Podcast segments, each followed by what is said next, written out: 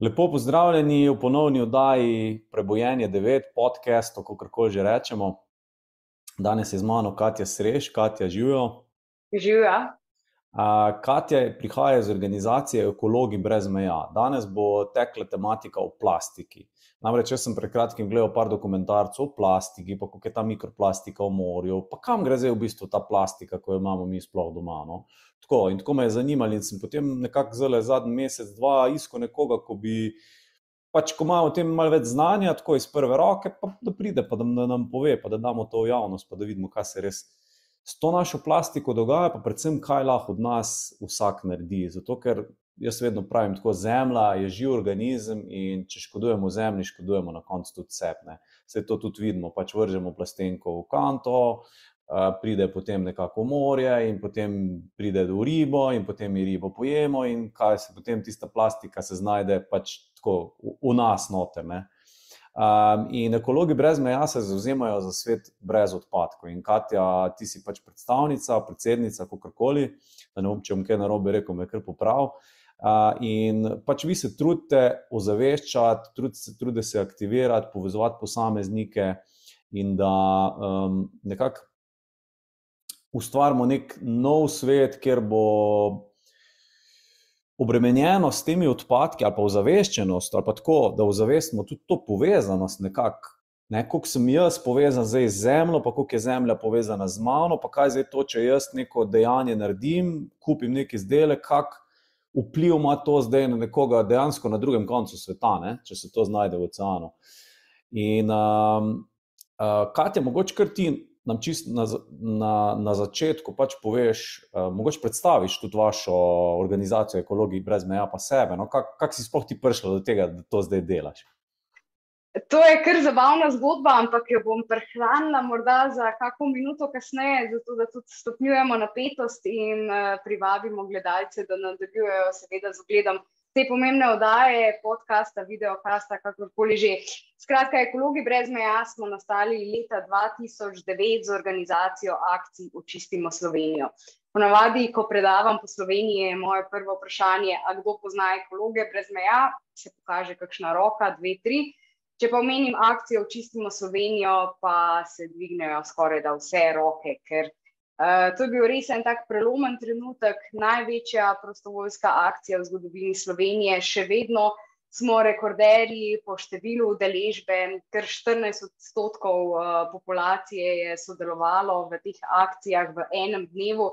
Tako da to nam je dalo zagon uh, in tudi nekako idejo, da morda pa kurativa ni tista naša glavna naloga da čistiti vsako leto za ljudmi, ki nosijo odpadke v naravo, morda nas ne bo pripeljalo do neke ozaveščene družbe.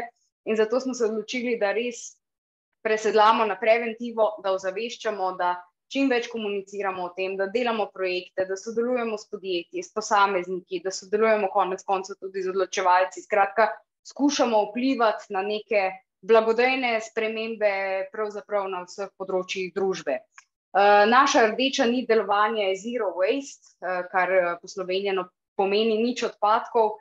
Zavedamo se, seveda, da do tega je še zelo dolga pot, in konec koncev naša vizija je v tem, da naše društvo morda nekoč res ne bo potrebno. Ampak glede na to, kam gre naš razvoj, da se ukvarjamo že z odpadki v vesolju, z digitalnimi odpadki, nas čaka še kar precej dela in tukaj potrebujemo pomoč prav vseh. In Sistemske spremembe so čez noč zelo težke, so pa spremembe naših vsakodnevnih navad lahko toliko lažje. In tako kot si že omenil, sam, ne, eh, v bistvu varovanje okolja je zgolj in samo egoistična dejavnost, kajti s tem v bistvu varujemo nas, naše zdravje. Naše zdravje je odvisno od varovanja okolja in tukaj ima plastika zelo, zelo veliko funkcijo. Ja, da ima res, v bistvu, ker glavna tematika danes je plastika. Vse mogoče bomo se spontano dotaknili še tudi drugih tematik, ki so pomembne. Ampak jaz sem gledal te dokumentarce na YouTubu. Ne, in, in, ok, uh, recimo, ne, jaz napolnim zdaj uh, koš z plastiko, z neko, predvsem, ne, predvsem tukaj, kot sem jaz ugotovil, je problem plastika, ki jo kupiš pa jo potem takoj odvržeš. Ne? ok, kupim jaz plastično posodo, pa je lahko tudi 20 let uporabljam. Vse v bistvu plastika, tudi recimo tele plastične, poliester, ne, je dejansko fulterpežna stvar in ti imaš lahko 30-40 let ene tiste tekaške hlače, recimo, ne, pa se ne bojo raztrgale kratko. Ampak ta plastika za enkratno uporabo. No, in recimo jaz kupim zdaj neke embalaže, neke jogurte, neke plastenke, recimo, nafilam svoj koš, ne vem, dvakrat, trikrat na teden. Ne. In zdaj ga jaz vržem v, v kanto, in plastika zgine, ne? magično zgine. Drugač bi bilo, če bi jaz to za svojo hišo delal na en kup, ne? pa bi zlagal na en kup, pa bi se ti skup večal, pa bi pol bil ti skup v bistvu tako, po enih parih mesecih že kar velik, ne? pa bi se začel sprašovati, ne? wow, neko. Zdaj pa moram s tem nekaj narediti, ne? ali, pač, ali nekaj s plastiko naredim, ali pa pač bi rekel, neham eh, proizvajati. Ne? Ampak, ker pa gre ta plastika v eno kanto in potem z tiste kante pač gre, boh ve kam, ne, je pa tako, se nam zdi, da eh, se to sploh ni problem. Uh, Kakšna je dejansko razsežnost te problematike plastike? To je mogoče prvo vprašanje, pa pol vprašanje, kam ta plastika iz moje kante gre. Ja, mogoče, da se vrnem še en korak nazaj, dejansko je tako, ne? plastika je čudovit material, ki omogoča uh, razvoj medicine, transporta, tehnologij. Skratka, brez plastike bi nam bilo zelo težko. Ne? Plastika je zelo dolgoživ material, ima ogromno koristnih lastnosti, ampak po drugi strani je pa ravno zato, kot si povedal, neumno. Da jo v skoraj da polovici primerov, že po kratki uporabi, zavržemo. In noben plastični izdelek, ki je kadarkoli prišel v naše življenje, še ni izginil z tega planeta, skoraj da ne. Dejansko plastika, plastika se ne razgradi, plastika vedno razpada na manjše koščke mikroplastiko, o kateri bo zagotovo še govorila. Ampak ja, kaj se dogaja s to plastiko? Uh, to plastiko zberijo, spravi, komunalna podjetja, odpeljajo v svoje zbirne centre, potem gre v sortiranje in plastiko načeloma prevzamejo scheme za ravnanje z odpadno embalažo. Potem pa se pogleda, kaj je dejansko uporabnega. Ne? Nekatera plastika je boljša, druga je slabša. Moramo se zavedati, da se reciklira manj kot 10 odstotkov plastike na celem planetu, globalno. Tako da očitno imamo ali slabe sisteme zbiranja, sortiranja, ali preslabo plastiko. Skratka, dejansko reciklaža ni rešitev. Zato mi vedno zagovarjamo preventivo, se pravi, uporabljamo izdelke za večkratno uporabo, kjer se da. Nakupujmo, uh, nakupujmo svojo embalažo. Naprimer, jaz, ko grem na tržnico, vedno vzamem svojo embalažo zraven. Ne? In sem že počasi. Tudi navdušila vse branjenke in branjence, da pač s tem ni nič narobe, da v bistvu se tudi njim fajn zdi, ko jim recimo prineseš konec koncev, zdaj se sicer o plastiki pogovarjava, ampak tisti karton jajc nazaj ali pa karton od jagod. Ne? Prav navdušeni so, ko rečejo, ja, se to pa v bistvu res drag material. Skratka, morda še na tem mestu ne, ni samo plastika problem. Nasploh so problem vsi materiali za enkratno uporabo, ki jih zavržemo. Mi bi se mogli truditi, da čim več materijalov ostane v tem ciklu, v tem kroženju. To je tudi bistvo krožnega gospodarstva. Ne? Se pravi, da se da imamo na trgu izdelke, ki so varni, ki jih lahko čim, čim dlje izkoriščamo in uporabljamo. Zavedati se namreč moramo, naš planet, sploh pa Evropa, je zelo osiromašen s temi uh, viri, ki so potrebni za proizvodnjo vseh teh izdelkov, ki jih potem mi po parih minutah zavržemo. In dejansko, če bi se odpovedali vsaj tem preprostim zadevam, za katere že obstajajo cenovno ugodne alternative, recimo flaška za vodo za večkratno uporabo, da gremo v trgovino res s svojimi vrečkami, tudi na oddelek sadja in zelenjave. Morda se zdi to malo, ampak konec koncev v Sloveniji nas je več kot 2 milijona. Če bi to vsi počeli, se že pozna. In uh, s takimi malimi koraki dejansko lahko privedemo do nekih sprememb, smo zgled drug drugemu, uh, in konec koncev, potem imamo tudi moč, da vplivamo s svojimi denarnicami, tako na proizvajalce, kot tudi odločevalce. Uh, rekla si, da ni samo plastika problem, da je problem tudi, recimo, vem, uložene kumrce, ko jih jaz kupim, marmelado, ko jo kupim. Kaj se največkrat s, s tistim kozarcem naredi, ja, gre v kanto spet. Ne? Ja, in to, to je narobe. Recimo, zanimivo, zanimivo tudi primerjati, ponovadi se za izdelke dela analiza življenjskega cikla. Se pravi, koliko izdelek onesnažuje okolje v določeni fazi. Ne?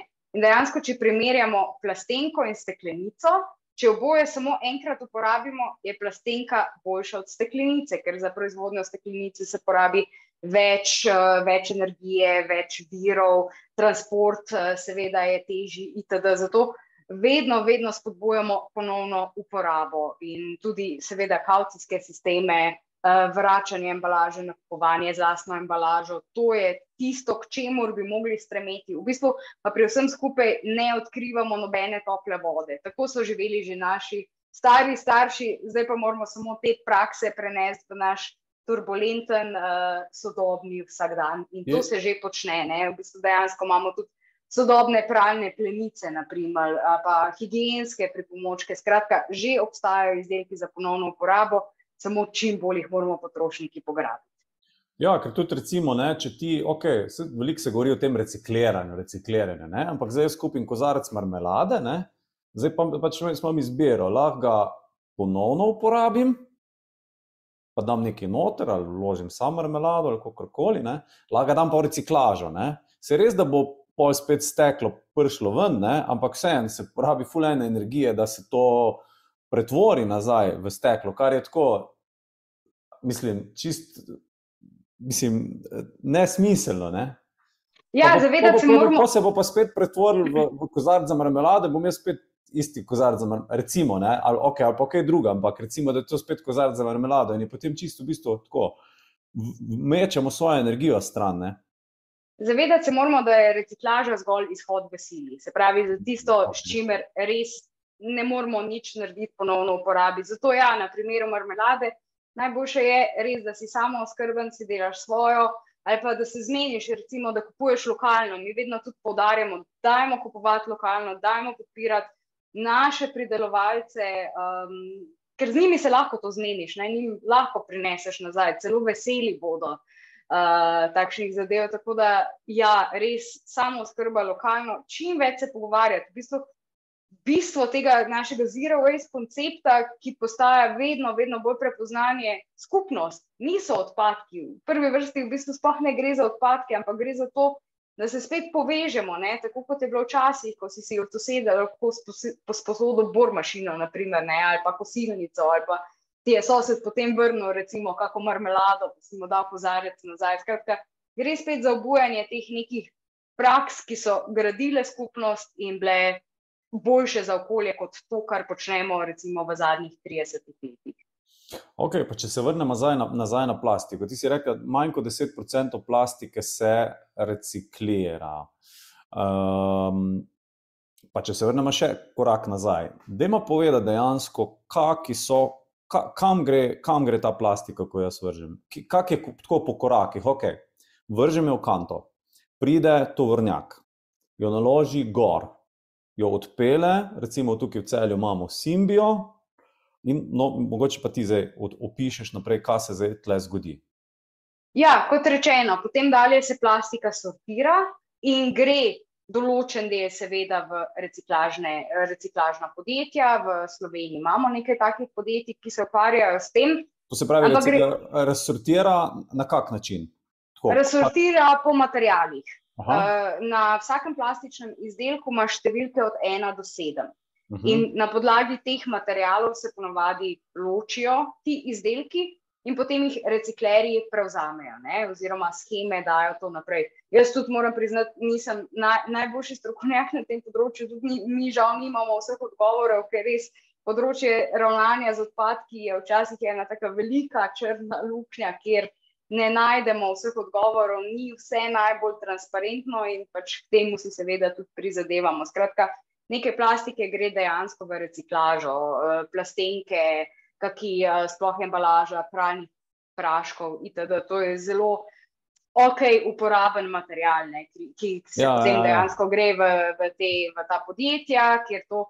Uh, vse skupaj predelajo, da na koncu nastanejo tako male granule, iz katerih potem nastajajo novi izdelki. Ampak problem pri tem je, da redko se plastenka v novo plastenko reciklira, običajno gre za downcycling oziroma podcikliranje, se pravi, da se potem mhm. to predela v kakšne izdelke slabše kakovosti. Tudi ni vse primerno, recimo vsa reciklirana plastika za stik živili, skratka, tu je ogromno, ogromno enih parametrov, ki jih je treba upoštevati. Uh, ja, kar pa ostane plastike, uh, sicer imamo načeloma prepoved uh, izvažanja, recimo v Azijo, uh, nekih odpadkov, ampak se žal to še vedno dogaja, oziroma se odpirajo novi trgi, recimo Turčija, uh, Albanija, Romunija, so take države, ki pač to sprejemajo. Pač to niso države, ki imajo urejen sistem, naprimer kot pri nas, kot si rekel, da ti odpadki izginejo iz uh, tvojega dvorišča, jih ne vidiš, nimaš stika s tem. Uh, tukaj imamo vseeno regulacijo, zakonodajo, ne? v vseh ostalih državah, marsikje pa tega ni, in potem prije tudi do napačnega ravnanja s temi materijali. Marsikaj od plastike se tudi sežge v sežigalnicah, kar je itak največja katastrofa. Ne?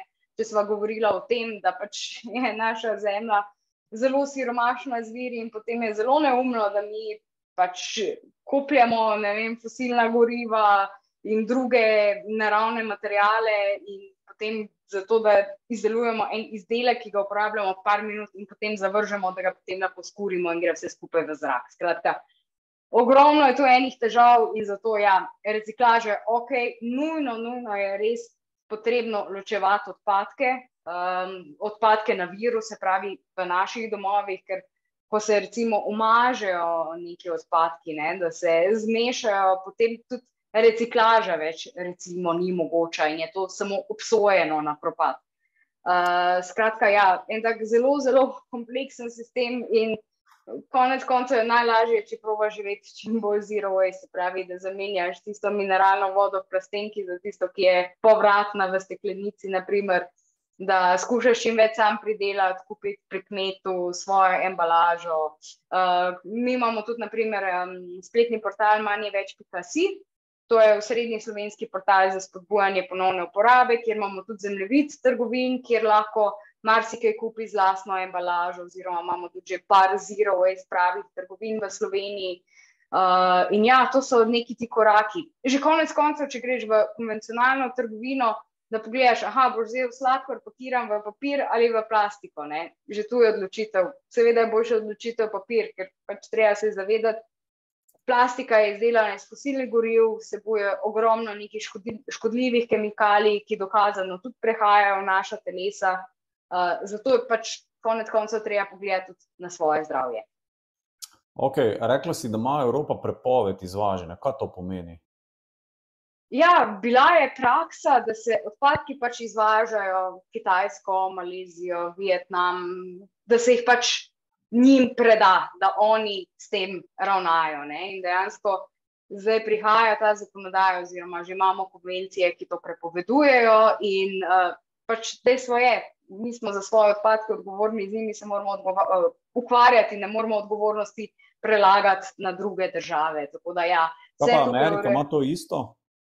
Uh, za Ameriko ne bi vedela, ampak zagotovo ni te del, del te iste zakonodaje. Ne. Mi smo vseeno del Evropske unije, ki je tudi precej bolj napredna, ne, kar se tiče nekega konzorcija držav. Tako da mhm. tukaj je super biti del EU, ker vsaj EU nas poj pritisne in prisili, da se zakonodajno in sistemsko kaj uredi. To se pravi, ti, to se pravi ta, uh, ko smo prej rekli, če se vrnemo na korake, uh, dejansko večino teh, oziroma te firme, ko poberajo naše odpadke, so sortirnice, one sortirajo, one nič ne reciklirajo. Ne? Tako da mogoče, to, mogoče sem jaz imel zmotno predstavo. Ne?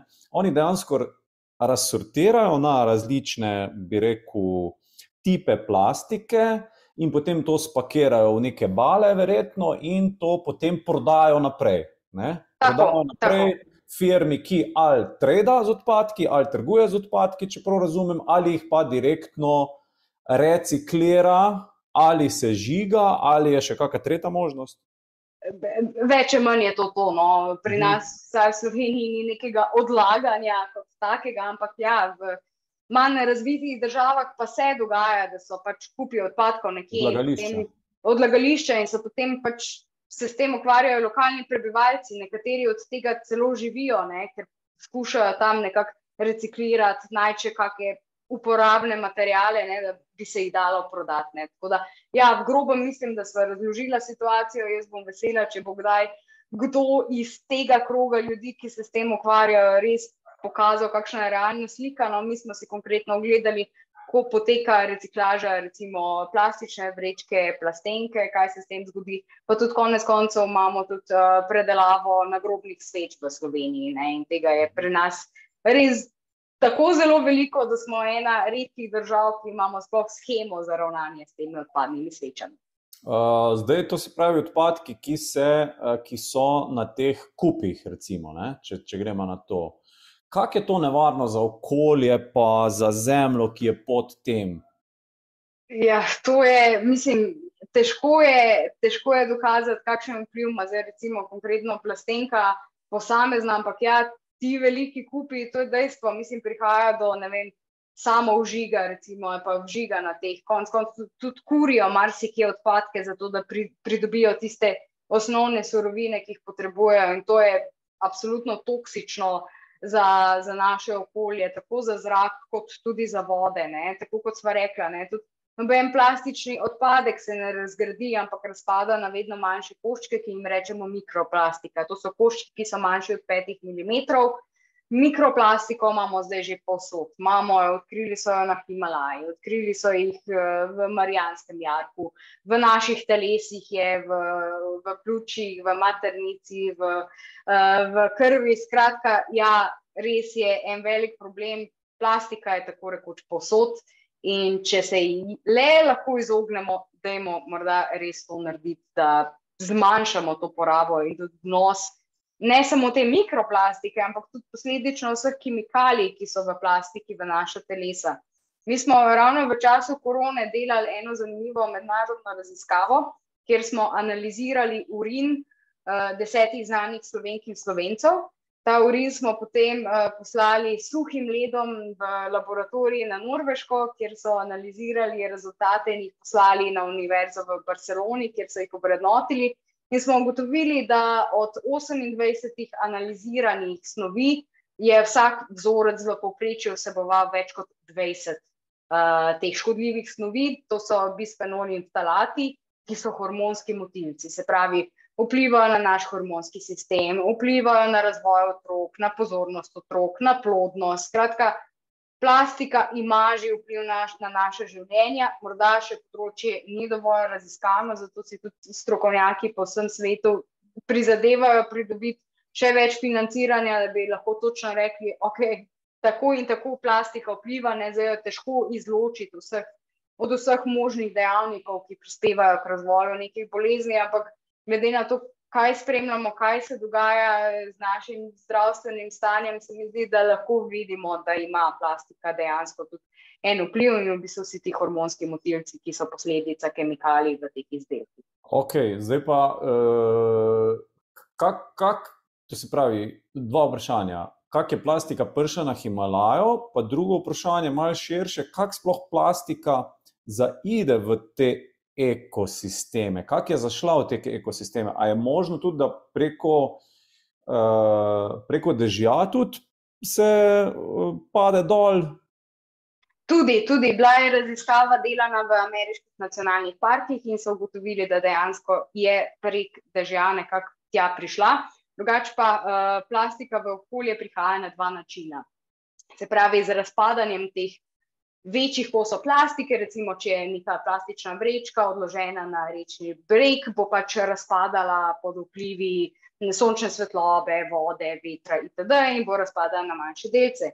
Temu se reče sekundarna plastika. Primarna plastika je pa tista, ki izhaja, recimo, uh, ki je nam že dodana namerno nekim izdelkom. Recimo, to so pogosto kakšna čistila, pilingi, Uh, sploh res pri kozmetiki je treba biti pozoren, ker včasih je v vsebini skoraj da več plastike kot v embalaži.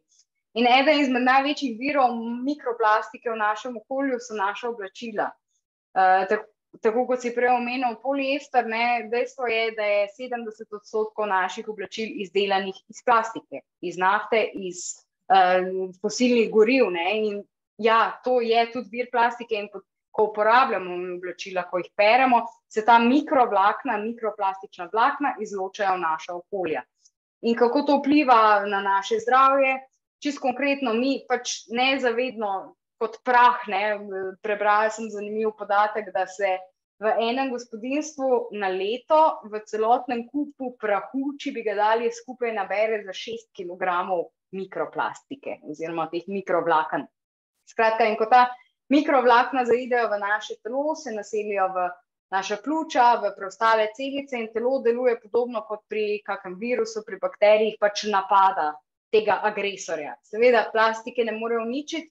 In zato je telo v konstantnem stanju vnetosti, ne? kronično vnetje imamo, iz česar pa potem se seveda razvijajo kakšne druge bolezni. Ampak to, to zdaj pojasnjujem dokaj lajično, Ni, nisem medicinec, ampak iz tega, kar poznamo, kaj se dogaja s plastiko. Tako da oblačila so glavni, glavni vir teh mikrovlaken, potem uh, naprimer pneumatike na naših avtomobilih, iz njih se seveda tudi, ko se obrabljajo na cestiščih. Skratka, ne, ja, povsod po je mikropla, mikroplastika in plastika kot taka prisotna. Zanimivo. Ne bi si mislil. To se pravi, že sam, ko kupujemo oblačila, je bolj, če kupimo pač, ne vem, bombaž ali pa neko naravno. Ja, ni, ni enoznačnega odgovora, ker po drugi strani pa za pridelavo bombaža potrebujemo ogromno zemlje, ogromno vode, ogromno pesticidov.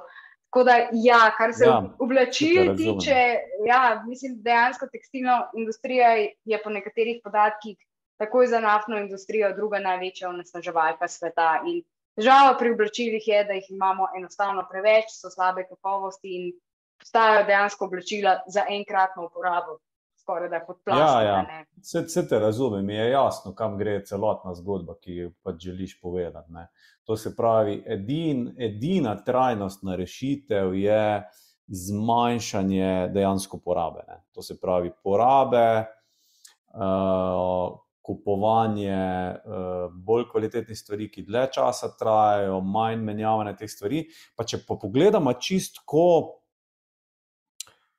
osnovno življenjsko ali pa filozofsko, ne, bi rekel, psihološko, duhovno bi lahko rekla, kako jaz to vidim. Iskanje, ne iskanja sreče ali pa zadovoljstva zunaj sebe, v nekih objektih, v nekih nakupih, ne, Tako, pa ne, to, to se mi zdi pa tisti glavni glavn problem, se vedno tako začne, pa konča pri nas samih. Ne. Ja, res je. In zato je najboljše, da pometemo pred svojim pragom, da res naredimo, kar je v naši moči.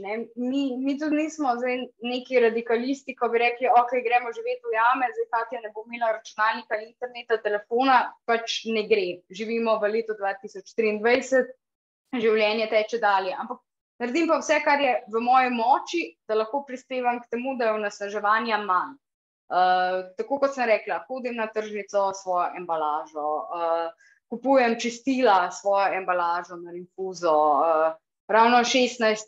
juni je naprimer, tudi svetovni dan infuze, ko spodbujamo to ponovno uporabo. Ogromno imamo enih, tako ogromno imamo enih pokojskih dni, pa tudi ozaveščamo o tem, skratka, da se res odrečemo tej nepotrebni plastiki za enkratno uporabo, da res kupujemo kakovostna oblačila, gremo na izmenjave oblačil, kupimo oblačila iz druge roke, jih dobro vzdržujemo, popravljamo. Da si kakšne zadeve, na mesto, da bi si jih kupili, izposodimo, naprimer, ne, urodje, družabne igre, športni pripomočki. V Sloveniji, v Ljubljani, imamo naprimer knjižnico reči, ki se ukvarja z izposojo vseh zadev, razen knjig. Uh, skratka, uh, krasne zgodbe že potekajo pri nas, imamo izmenjevalnice semen, sadik, ogromno je že enega dogajanja uh, in to pač spodbujamo in mislimo, da je pač to rešitev. In dejansko trenutno še imamo čas in izbiro, da se odločimo. Ne rabimo vsi čez noč postati vegani ali pa vsi se čez noč odreči plastiki za enkratno uporabo ali pa presedlati na javni prevoz imamo še izbiro ne? in temu potem vsaj nekaj narediti, ker prišel bo trenutek, ko pa izbire več ne bo in bomo vsi prisiljeni v neke drastične spremembe, kot je bila naprimer korona, ko se nam je svet in življenje ustavilo. Ja, treba je, se mi zdi, se, tako se globalno se svet res spremenja. Tako družba gleda res na stvari na drugačen način, kot je včasih. Tudi, veš, zdaj imamo tako materialno vseh stvari, da enostavno pa ugotoviš, pa se to, to zares ne izpolni. Ne? To ti za, za, zadovolji neke osnovne potrebe, kar je pa v bistvu čez to, čez rob, ti je pa samo breme. Imáš tam neke stvari, kam jih boš dal. Ne? Mi dva z mojo ženo smo se selili na parkrat, pa, veš, pa, pa kam ti pol toliko odkriješ nekih stvari, pa vsakič jih je več in tako. In pol res, tako. Jaz vedno rečem, pač ne kupujmo, le, brez veze, kaj to rabiš, nič ne rabiš. Le. Pač gremo raje na sprehod v naravo, pa bomo več naredili. Um, Vrnil bi se nazaj še na v bistvu, kaj se dogaja s to plastiko. No? Se mi zdi, to je res pomembno. No? Se mi zdi, da, da vemo, ne? ker res sem te dokumentarce gledal in so mi fully odprli oči. In takrat sem, sem se odločil, da pač jaz bom eliminiral plastiko, oziroma jo drastično, drastično zmanjšal. Ne? In ne odstopam od tega. Tud, um, tako, tudi v, v, ne vem, če mi ponudijo vodo iz plastenke, ja, pa ne bom. Ne, ne bom jo, ne, pač ne bom, ne bom. Ne. Ne bom, pač ne bom, le. se bom odrekel, nimaš kaj, ja. se bom odrekel. Uh, vprašal bi te, rekla smo, um, to se pravi odlaganje na kup, rekla smo reciklaža, ki jo je relativno malo. Um, kaj je pa s sežiganjem? To si rekla, da je problematično. Ja, uh, zero waste filozofija, oziroma to, s čimer se mi v osnovi ukvarjamo, pač sežigalnic odpadkov ne vidi kot rešitve. Ne? Dejansko res je največja škoda, da te redke materijale, ki nam primankujemo, porabimo za to, da jih sežgemo. Poleg tega sežigalnica ne ustvarja delovnih mest, kot naprimer ponovna uporaba ali pa recimo reciklaža. Enostavno nič nimamo od tega, neumno je, uh, okolju škodljivo. Um, to so veliki infrastrukturni projekti, s katerimi v Sloveniji vemo, da nimamo ravno najboljših izkušenj. Ne? tudi z nadziranjem nekega delovanja takih obratov, tudi nimamo najboljših izkušenj, ker ja, to so pač podjetja, ki dejansko ja, škodujejo okolju in zato smo res a priori proti in tudi dejansko zero waste gibanje se je razvilo v Italiji iz teh protisežigalniških gibanj, ker so ljudje opazili, da to ni rešitev, to, ne, to ni ok, ne, more, ne moremo tako funkcionirati, da bomo zdaj vse samo kupovali, vrgli na en kup in se žigali v nedogled. To ne gre. Uh, in zato smo pač proti temu, uh, tudi nimamo nekih številk, česar koli, da bi nam kdo povedal, da to pa je boljša rešitev za okolje, recimo, kot pa karkoli drugega. Tako da, ja, uh, zgolj še en način, kako pač nekdo lahko masno zasluži in s tem pač žal škoduje tudi našemu okolju in nam. Ja, se je isti princip, dejansko vse posod, kjer pogledaš. Okay, Imáš ti probleme z zdravjem, kaj bo zdaj naredil? Ja, a se boš boril proti temu z nekimi ne vem, eh, zdravili, tableti, boš to jedel, ne? Ali boš ne, se boril s čim koli naravno zadevo, ampak v končni fazi je vse neka borba, bi rekel, odpravljanje posledic. Ne? Ampak, če se pa tako res globoko vprašaš, rečeš, ja, mogoče bom spremenil prehrano, mogoče bom šel, ne vem, kaj več se bom gibal, mogoče si bom, ne vem, bom takrat, uh, ko je treba ljudem reči ne, bom pač rekel ne, pa bom poskrbel za, za svojo psiho, ne, pa za sebe. In v bistvu tako, da odpraviš res tisto vzrok, kje je tisto vzrok. In tukaj se, tukaj se mi zdi tako pomemben premik v razmišljanju, po dojemanju. Um, ok, 10% plastike se reciklira, si rekla. Ne? ostalo pač gre v te ostale stvari. Kaj je pa z odlaganjem v morje? Ker te plastike, ko sem videl, ogromno odlaga, mislim, se, se od, ali se je odlagalo, ali se še odlaga v morje, sploh v teh državah, tam azijskih, ko so te okoljski standardi zelo nizki, ali pa Indija, recimo. Ne, tam, jaz sem bil v Indiji in to je tam je res katastrofa, ne, kar se te plastike pa morje tiče. Uh, kak, kak, je, kak je s tem? Ja, v morju imamo ogromno plastike. Mislim, da so podatki, da na leto v naše vode zaide med 18 in 23 milijonov ton plastike ne, na različne načine. Zdaj, tukaj je že težava, recimo, sama ribiška industrija, ker so recimo te ribiške mreže, vsi pripomočki izdelani iz plastike, ki potem pač včasih se izgubi, nekje končane. Včasih prihajajo prihaja do kakih ladijskih nesreč, naprimer še zdaj po svetu, povsod prihaja na plano, mislim, da neke lego kocke ali neke igračke od neke nesreče, ki se je zgodila in pač to zdaj potuje po vsem svetu, skratka, na različne načine. Ampak dejstvo pa je, da kar 80 odstotkov vseh odpadkov iz, uh, v naša morja prihaja iz kopnega. In zato je ravno to pomembno, da se ukvarjamo s tem na viru, da se ukvarjamo s tem pri nas. Uh, tudi če recimo mi dva zdaj ne živiva na obali uh, s dostopom do morja, ampak ja, večinoma te plastike prihaja v naša morja prek kopnega. Ok, pa takrat tu, tu smo rekli, okay, problem so oblačila, si rekla, problem so, se, se ne spomne več, ampak kako to dejansko zaide v morje? Tako da mi vržemo to v morje, bi rekel neposredno, ali so to neki posredni načini? Posredno in neposredno, se pravi, tako kot si omenil, ja, plastična vrečka, vržemo nekam, jo odpihne do reke, reka jo prinese do morja. Ali pa na primeru mikroplastike, kjer so tako majhni koščki, da v bistvu grejo prek čistilnih naprav ne, in jih čistilna naprava ne zazna, in na tak način potem. Kot veter jih lahko razpika fazi. Absolutno, veter, dež, kakorkoli. Okay. Vse, v bistvu plastika je postala en tak sestaven element našega, naše atmosfere, očitno kot kisik skoraj. Da. In dejansko, zdaj, ko je bilo mm, v Parizu pred kratkim eno mednarodno srečanje, kjer se pogajajo o mednarodno zavezujoči um, zakonodaji, kar se tiče onesnaževanja s plastiko, so prvič tudi napovedali vremensko napoved z padavinami plastike. Se pravi, koliko plastike bo v tistem dnevu recimo, prišlo na Pariz. Ne? Tako da tukaj smo že, ne? skratka, plastika je posod. Mm -hmm. Uh, nekatere plastike pa ni možno reciklirati, je tako? Je tako. Kateri so uh, primeri? Recimo?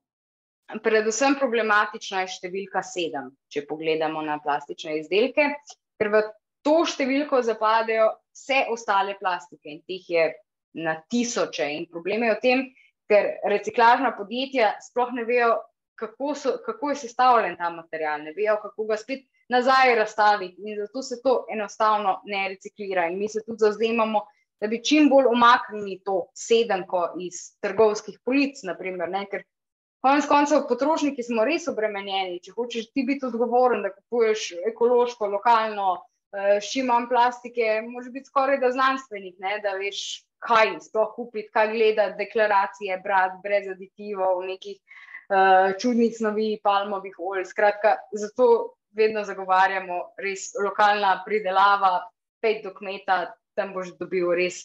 Na, najboljše možno, no, kar, se, kar se trenutno da. Uh, in ja, ta sedemka je problem in se ne reciklira. Pa kaj no, so to, recimo, primeri, kakih embalaž, tako čist uh, po domače?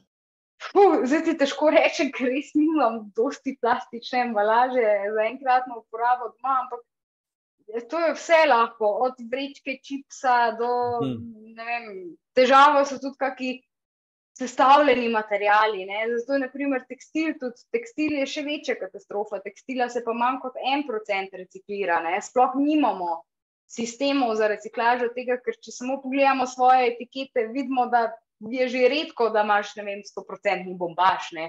Vedno je še neka mešanica zraven in to pač predstavlja težavo pri reciklaži, in ni še vzpostavljenih takih sistemov. In zato pač ja, vedno preventiva, ponovno uporaba, to je rešitev. Mm, okay. uh, mogoče bi še rekel, kaj je v teh zero-waste trgovinah. Jaz poznam v Ljubljani Refusal, Mi v celju take trgovine nimamo, kar pogrešam, ker sem potem jaz, ko grem v trgovino, sem zelo omejen. Okay, v, Jagro, v Jagro vem, da imajo pač nekaj na rifuzo, uh, potem tam le v Žavcu ena trgovina, ko ima nekaj na rifuzo, potem je tukaj trgovina Norma, sam, ok, pač nekaj malega dobiš na rifuzo. Ne? Uh, ne vem, jaz imam pač rad rozine ne? in zdaj pač ne jem rozin več. Ne? pač jem brusnice, ne, ko jih dobim na rifuzo. Ampak tako recimo, ne, tukaj je, se mi zdi še dosti prostora. No. Kje, se, kje, ta, kje se take trgovine skrivajo? Uh, yeah. Kje so po Sloveniji?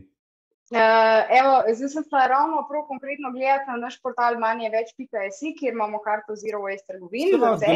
Lahko deli zaslon, če hočeš.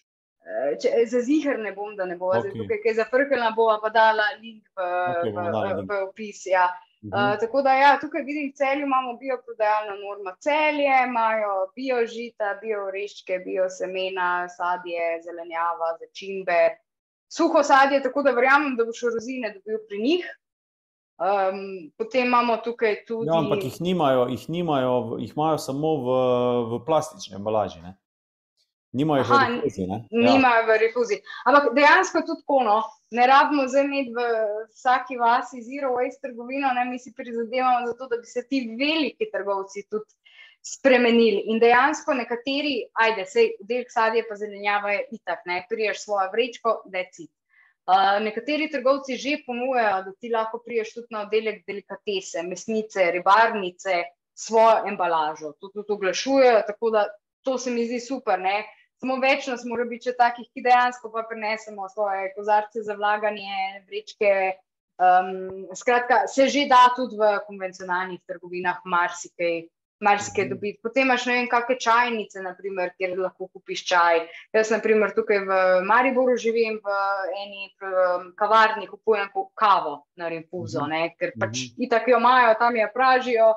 Uh, marsikdaj se da tudi kaj na novo zmeniti, oziroma jaz to kažem pri naših branjevcih na tržnici. Uh, zelo zabavna mi je zgodba, kupujem neke domače sirope iz pohorja.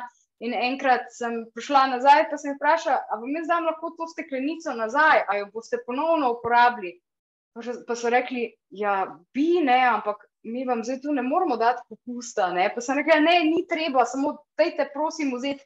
In zdaj to prakticiramo, to funkcionira. Uh, mi smo tudi uh, za eno organizacijo pred kratkim v Mariboru odprli en lokal, kjer se tudi trudimo. In naprimer, pri nas ni pač vode v plastenki. Enostavno ni, dobiš za ston vodo iz pipe. Imamo konkretno te sirupe, vračamo steklenice, z vinarjem no. smo se zmenili, da je zemi nazaj, vsaj to špricer vino, ki se ga res ogromno proda.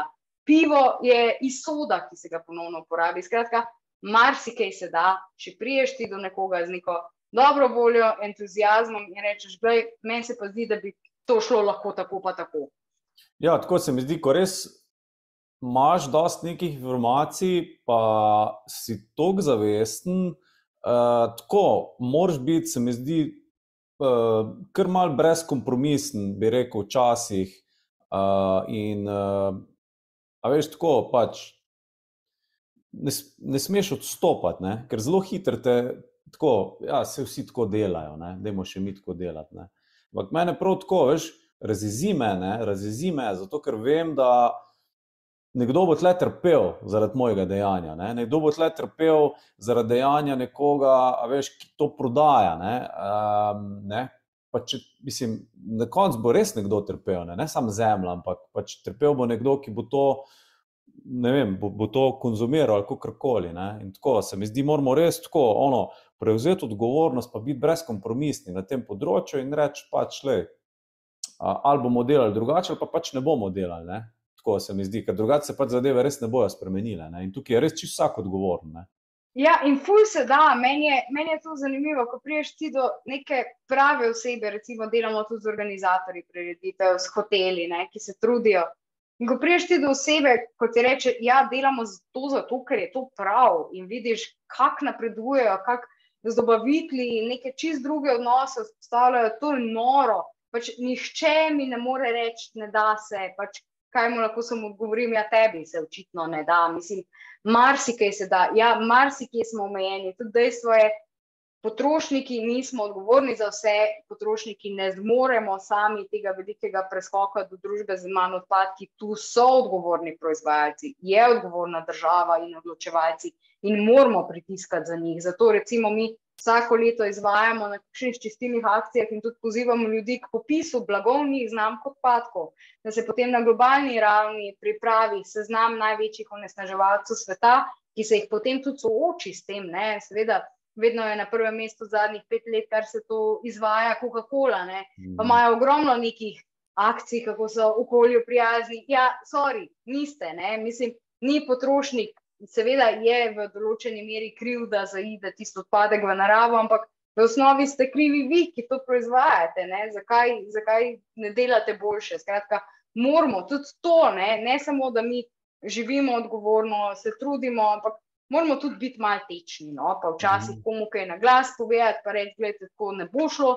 Kot na primeru tega našega lokala, mi pač ne, nimamo Coca-Cola v našem lokalu, oziroma kakšnih drugih znamk, ki pač onesnažujejo okolje ali pa ki ne omogočajo, recimo, povratne embalaže. Sej malo imaš nekega odpadka, ampak dejansko lahko na tak način res, res, res vplivaš in znižaš te, ta vtis.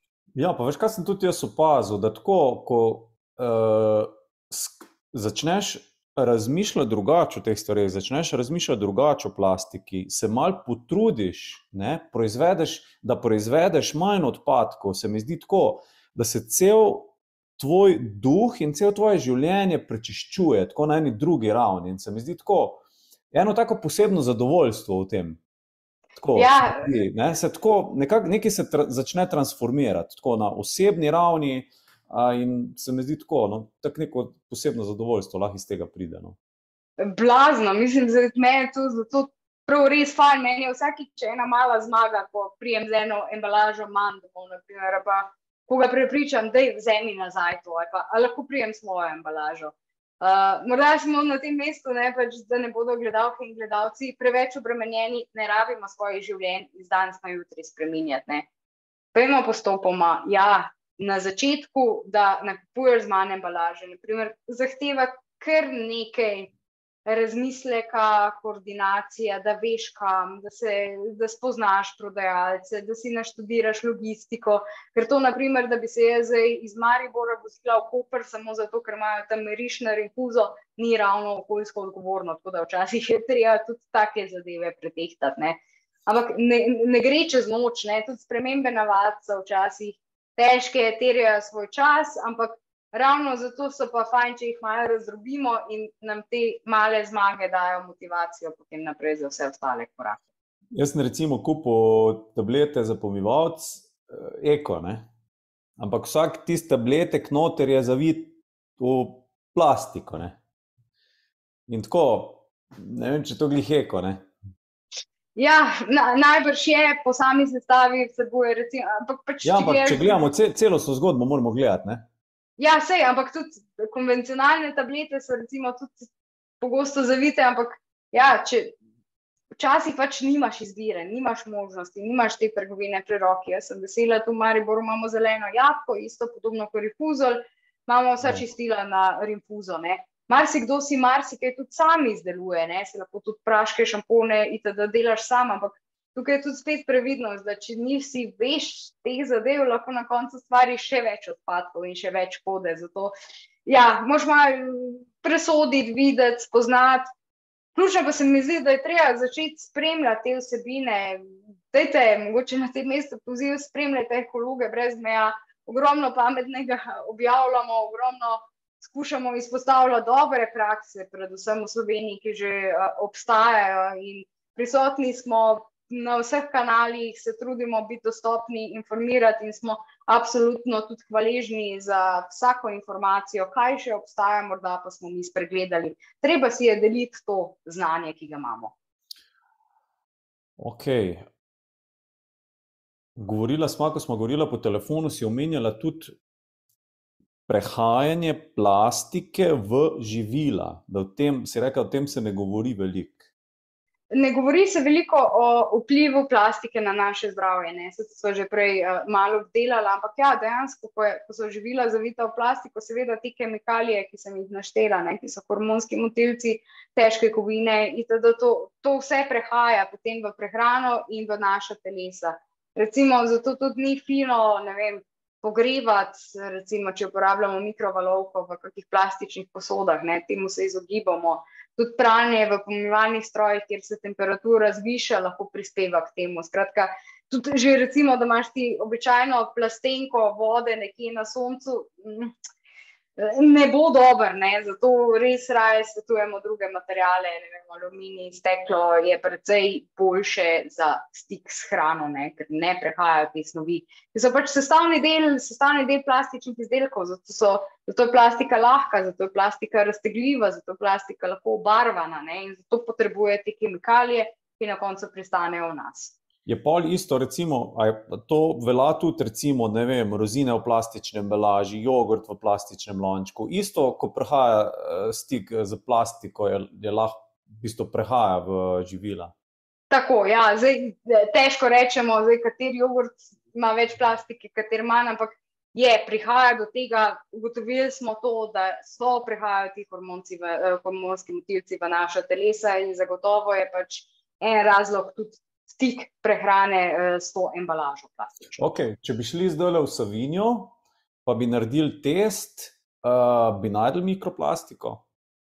Uh, lahko konkretno uh, ti bom uh, povedala na komentar na ta video, tako da stopnjujemo še malo napetosti uh, za ogled tega videa do konca. Uh, ampak uh, ja, mi ravno izvajamo oziroma pomagamo pri enem projektu Pirati plastike. Gre za evropski projekt, uh, kjer, uh, ki ga v Sloveniji vodi eh, Nacionalni inštitut za biologijo, Morska biološka postaja Piran. Uh, sodelujemo tudi z inštitutom za vode v tem projektu in tukaj nam pomagajo pa osnovnošolci in srednješolci. Imeli smo že več kot 100 akcij vzorčenja mikroplastike in nasploh odpadkov v slovenskih rekah. In imamo podatke za večino slovenskih rek, večina slovenskih rek, mislim, vse so onesnažene z odpadki, brežine. Uh, več kot polovica, mislim, da pa je podatek, da se boje tudi mikroplastiko, vsaj v tistem obdobju, ko smo mi vzorčili, uh, vzorčili oziroma otroci te naše reke. Ok, zdaj pa mogoče vprašanje malo izvedeti, kaj vse se spušča v slovenske reke noter? Ja, uh, vse, kar prihaja iz naših domov, iz industrije, ne, zato tudi vedno pravimo, res ne metati stvari, ki ne sodijo v večji školko. To je velik problem. Zagotovo sem prepričana, da obstajajo en kup YouTube videov, kjer lahko vidiš, kaj se vse dogaja na čistilnih napravah. Ne. Pogosto so sploh problem, kakšni ti vlažni robčki, ne, ker smo enostavno prepričani, da bo to razpadlo. Ja, ne, to je tudi iz plastike, to se nekje zatakne, to povzroča res hude težave. Uh, skratka, v reke gre marsikaj, tudi z vidika odpadkov, kar tja ne sodi. Ne. Tudi uh, cigaretni ogorki, naprimer, so iz plastike. Tri četrt ljudi, po nekaterih raziskavah, je pripričanih, da je to iz nekega razgradljivega materiala, kot so naprimer bombaž, celuloza, ja, ampak ja. ne, vsebujejo ti filtri plastiko in to pač, če vržemo v jašek, če vržemo nekam. Eh, na cesto, bo prej ali slej zašlo v, v naše vode. In to je res velik problem, in to je tudi najpogosteje najdeni odpadek na čistilnih akcijah po svetu. Kak so pa problem čistila? Eh, čistila so gotovo problem, zdaj pač lahko govorim z vidika. Pa, sorry, pa eh, teli, kaj so že tuž geli, razni prili in tako. Ja, zagotovo z vidika mikroplastike lahko povem, vsebujejo tudi. Uh, ne, tako, ne, ne, prosti, ne z vidika mikroplastike, ampak čist bi rekel globalno, nasplošno. Spuščamo to v neke ekosisteme in tako naprej. No. Zagotovo je problem, nismo pa mi strokovnjaki za to področje. Uh -huh. Tukaj bi najbrž kak kemik ali pa vodovarstvenik znal malo več na to temo povedati. Uh, Skratka, je zagotovo problem, ogromno se tega porablja, konec koncev zdaj bomo šli na morje, se bomo mazali sončnimi kremami in se bomo šli kopati. Uh, in ja, dejstvo je, da pač naš ekosistem počasi žalostno razpada, ampak sreči smo še tista generacija, ki lahko to zaustavi. No. Jaz mislim, da se ne smemo ustrašiti uh, teh napovedi, oziroma da bi nas ohromile, da bi rekli, ok, se, se tako nič ne da da se marsikaj dejansko, se marsikaj tudi izboljšuje. Treba je povedati, da Slovenija je ena izmed vodilnih držav na področju ravnanja z odpadki. Smo že precej dobri, kar se tiče ločenega zbiranja odpadkov. Se trudimo na vseh področjih, smo konec koncev imamo prve certificirane zero waste občine, prva certificirana zero waste podjetja na svetu. Skratka, smo tisti, ki nosimo to zeleno štafetno palico in Zato pa je morda toliko večja odgovornost, da smo res zgled uh, vsem ostalim. Zdaj pa za konec, kaj lahko vsak od nas naredi? Se si že marsikaj omenila, ampak tako, če mogoče gremo še enkrat čez, kaj, kaj lahko vsak od nas naredi, ker tle se v bistvu tle se začne. Ne? Ja, mislim, tukaj bi lahko zdaj še naštevala v nedogled, ampak bom uh, poskušala res na kratko in jedrnato povzeti. Skratka, Spremljajte nevladne organizacije, smo kredibilen vir znanja na področju ravnanja z okoljem, smo strokovnjaki, zato s tem se ukvarjamo pač svoj delovni čas in tudi v prostem času. Skratka, spremljajte to, delite novice, uh, ozaveščajte ljudi okrog sebe, ločujte odpadke, izogibajte se plastiki za enkratno uporabo, spravi, imejte svoje stekleničke za večkratno uporabo, svoje vrečke, svoje posode za hrano. Jaz, na primer, tudi ko grem v restauracijo, imam vedno kako posodico zraven, ker itak so vedno te porcije prevelike, pa si potem vzamem za zraven. Uh, nakupuj, ko se odločite v trgovini, vzemite tiste izdelke, ki so manj pakirani, vzemite na mesto plastične embalaže, raje povratno stekleno, če je možnost. Obiščite manjše trgovce, zero waste trgovine, kmete, uh, tržnice, pridite tja svojo embalažo. Skratka, kupujmo manj, kupujmo res kakovostno, tudi nasploh pri oblačilih, elektroniki, razmislimo, lahko popravimo, kaj ja, si lahko kaj izposodimo. Uh, potem pa ja, ko, ko že marsikaj uspemo narediti, oziroma lahko tudi kaj več prej, dobimo tečni. Pišimo proizvajalcem, zakaj nimate vem, več te pijače v povratni steklenici. Meni je bilo to bolj všeč, zdi se mi, da je to boljše za okolje. Pišite, upozarjajte, um, spremljate, skratka, kaj se dogaja po svetu na tem področju. In, uh, ogromno, ogromno se že da narediti, ogromno imamo že možnosti, zdaj jih moramo res do konca izčrpati in potem reše pritiskati na vse tiste, ki so še morda malce bolj odgovorni od nas samih, da spremenijo svoje prakse, svoj način delovanja. Ok, super, Katja. Uh, hvala ti za vse te tvoje informacije. Mislim, da smo kar izčrpali tole tematiko, pa je še mogoče na trenutke tudi malo razširila. Bi še kaj dodala za konec? Ne, najlepša hvala za povabilo. No, mi se res želimo, da naš glas seže v vsako slovensko vas, tako kot je akcija Očistimo Slovenijo. Eh, poleg kurative spravimo tudi preventivo na nek nivo in da res skupaj delujemo. In še to morda, no, da povem, res, da te delite, izkoristite družbena omrežja res za kakšne dobre prakse, da delite, ker zgledi so tisti, ki štejejo. Zato tudi mi organiziramo 23. aprila, naprimer, dan v rabljenih oblačilih, ko posameznike pozivamo, da obleči se oblačila v druge roke, iz druge roke, tako kot sem jaz zdaj, oziroma skoraj da vedno fotografiraj se in objavi, zato da ljudje vidijo, da s tem ni nič narobe, da je to kul, cool, da je to super praksa in ja, da imamo uporabiti te možnosti tehnologije, ki jih imamo tudi za kaj dobrega. No. To bi bil mo moje sporočilo in upam, da bo doseglo uh, gledalke in gledalce. Ja, glih, ko si rekla, sem se spomnil, evo, da sem si kupil novo pisalno mizo ne, in to iz Bohe. Evo, to je to, ne? In je top. Tako da Tako da jaz sem ugotovil, da sem že skozi ekolog. Ne? Zato, ker jaz sem skozi šparo, skozi sem šparo, tako sem bil maj škrt, ne? pa vedno sem si te rabljene stvari na bohi kupoval. Tako da, ok, v redu, vse mi gre kar dobro, se mi zdi. No? Ampak tako res. Jaz sem se pač res odločil, tako, da se bom, če ne maksimalno odpovedal. Eh, plastični embalaži. No, in tako res delam na tem, uh, ker te dokumentarce, ko sem jih gledal na YouTube, se mogoče delim tudi linke, ali pa če napišete na YouTube, ker plastik problem v angleščini, pa boste dobili te dokumentarce, kjer vam bojo res na nazorni način pokazali. In to me je tako šokiralo, da sem rekel, le. Ne rabim in ti moram reči, da mi to eno posebno zadovoljstvo prinaša. No. Tudi ta pogovor s tabo je nekako pripeljal do tega, uh, pa tudi če mogoče koga motiviramo, da spremeni življenjski stil, pa tako, bi rekel, očisti planet, pa očisti zraven svoje telo, pa očisti zraven tudi svojega duha, ne? ker vse je nekako povezano. Ne?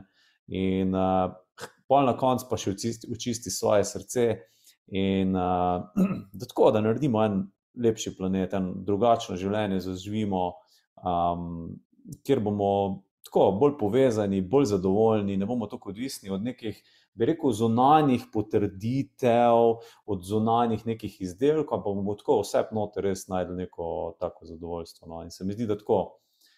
Se, en del je tudi, so ti odpadki, pa, pa kako kak proizvajamo, pa kako delamo s temi odpadki. Tako da najlepša ti hvala, Katja. Hvala vsem, ki ste naj gledali, ki ste naj spremljali. Pridejo še nove oddaje, zanimivi gosti. Tako da, evo, videl se poslavljamo in srečno vsem. Čau. Čau.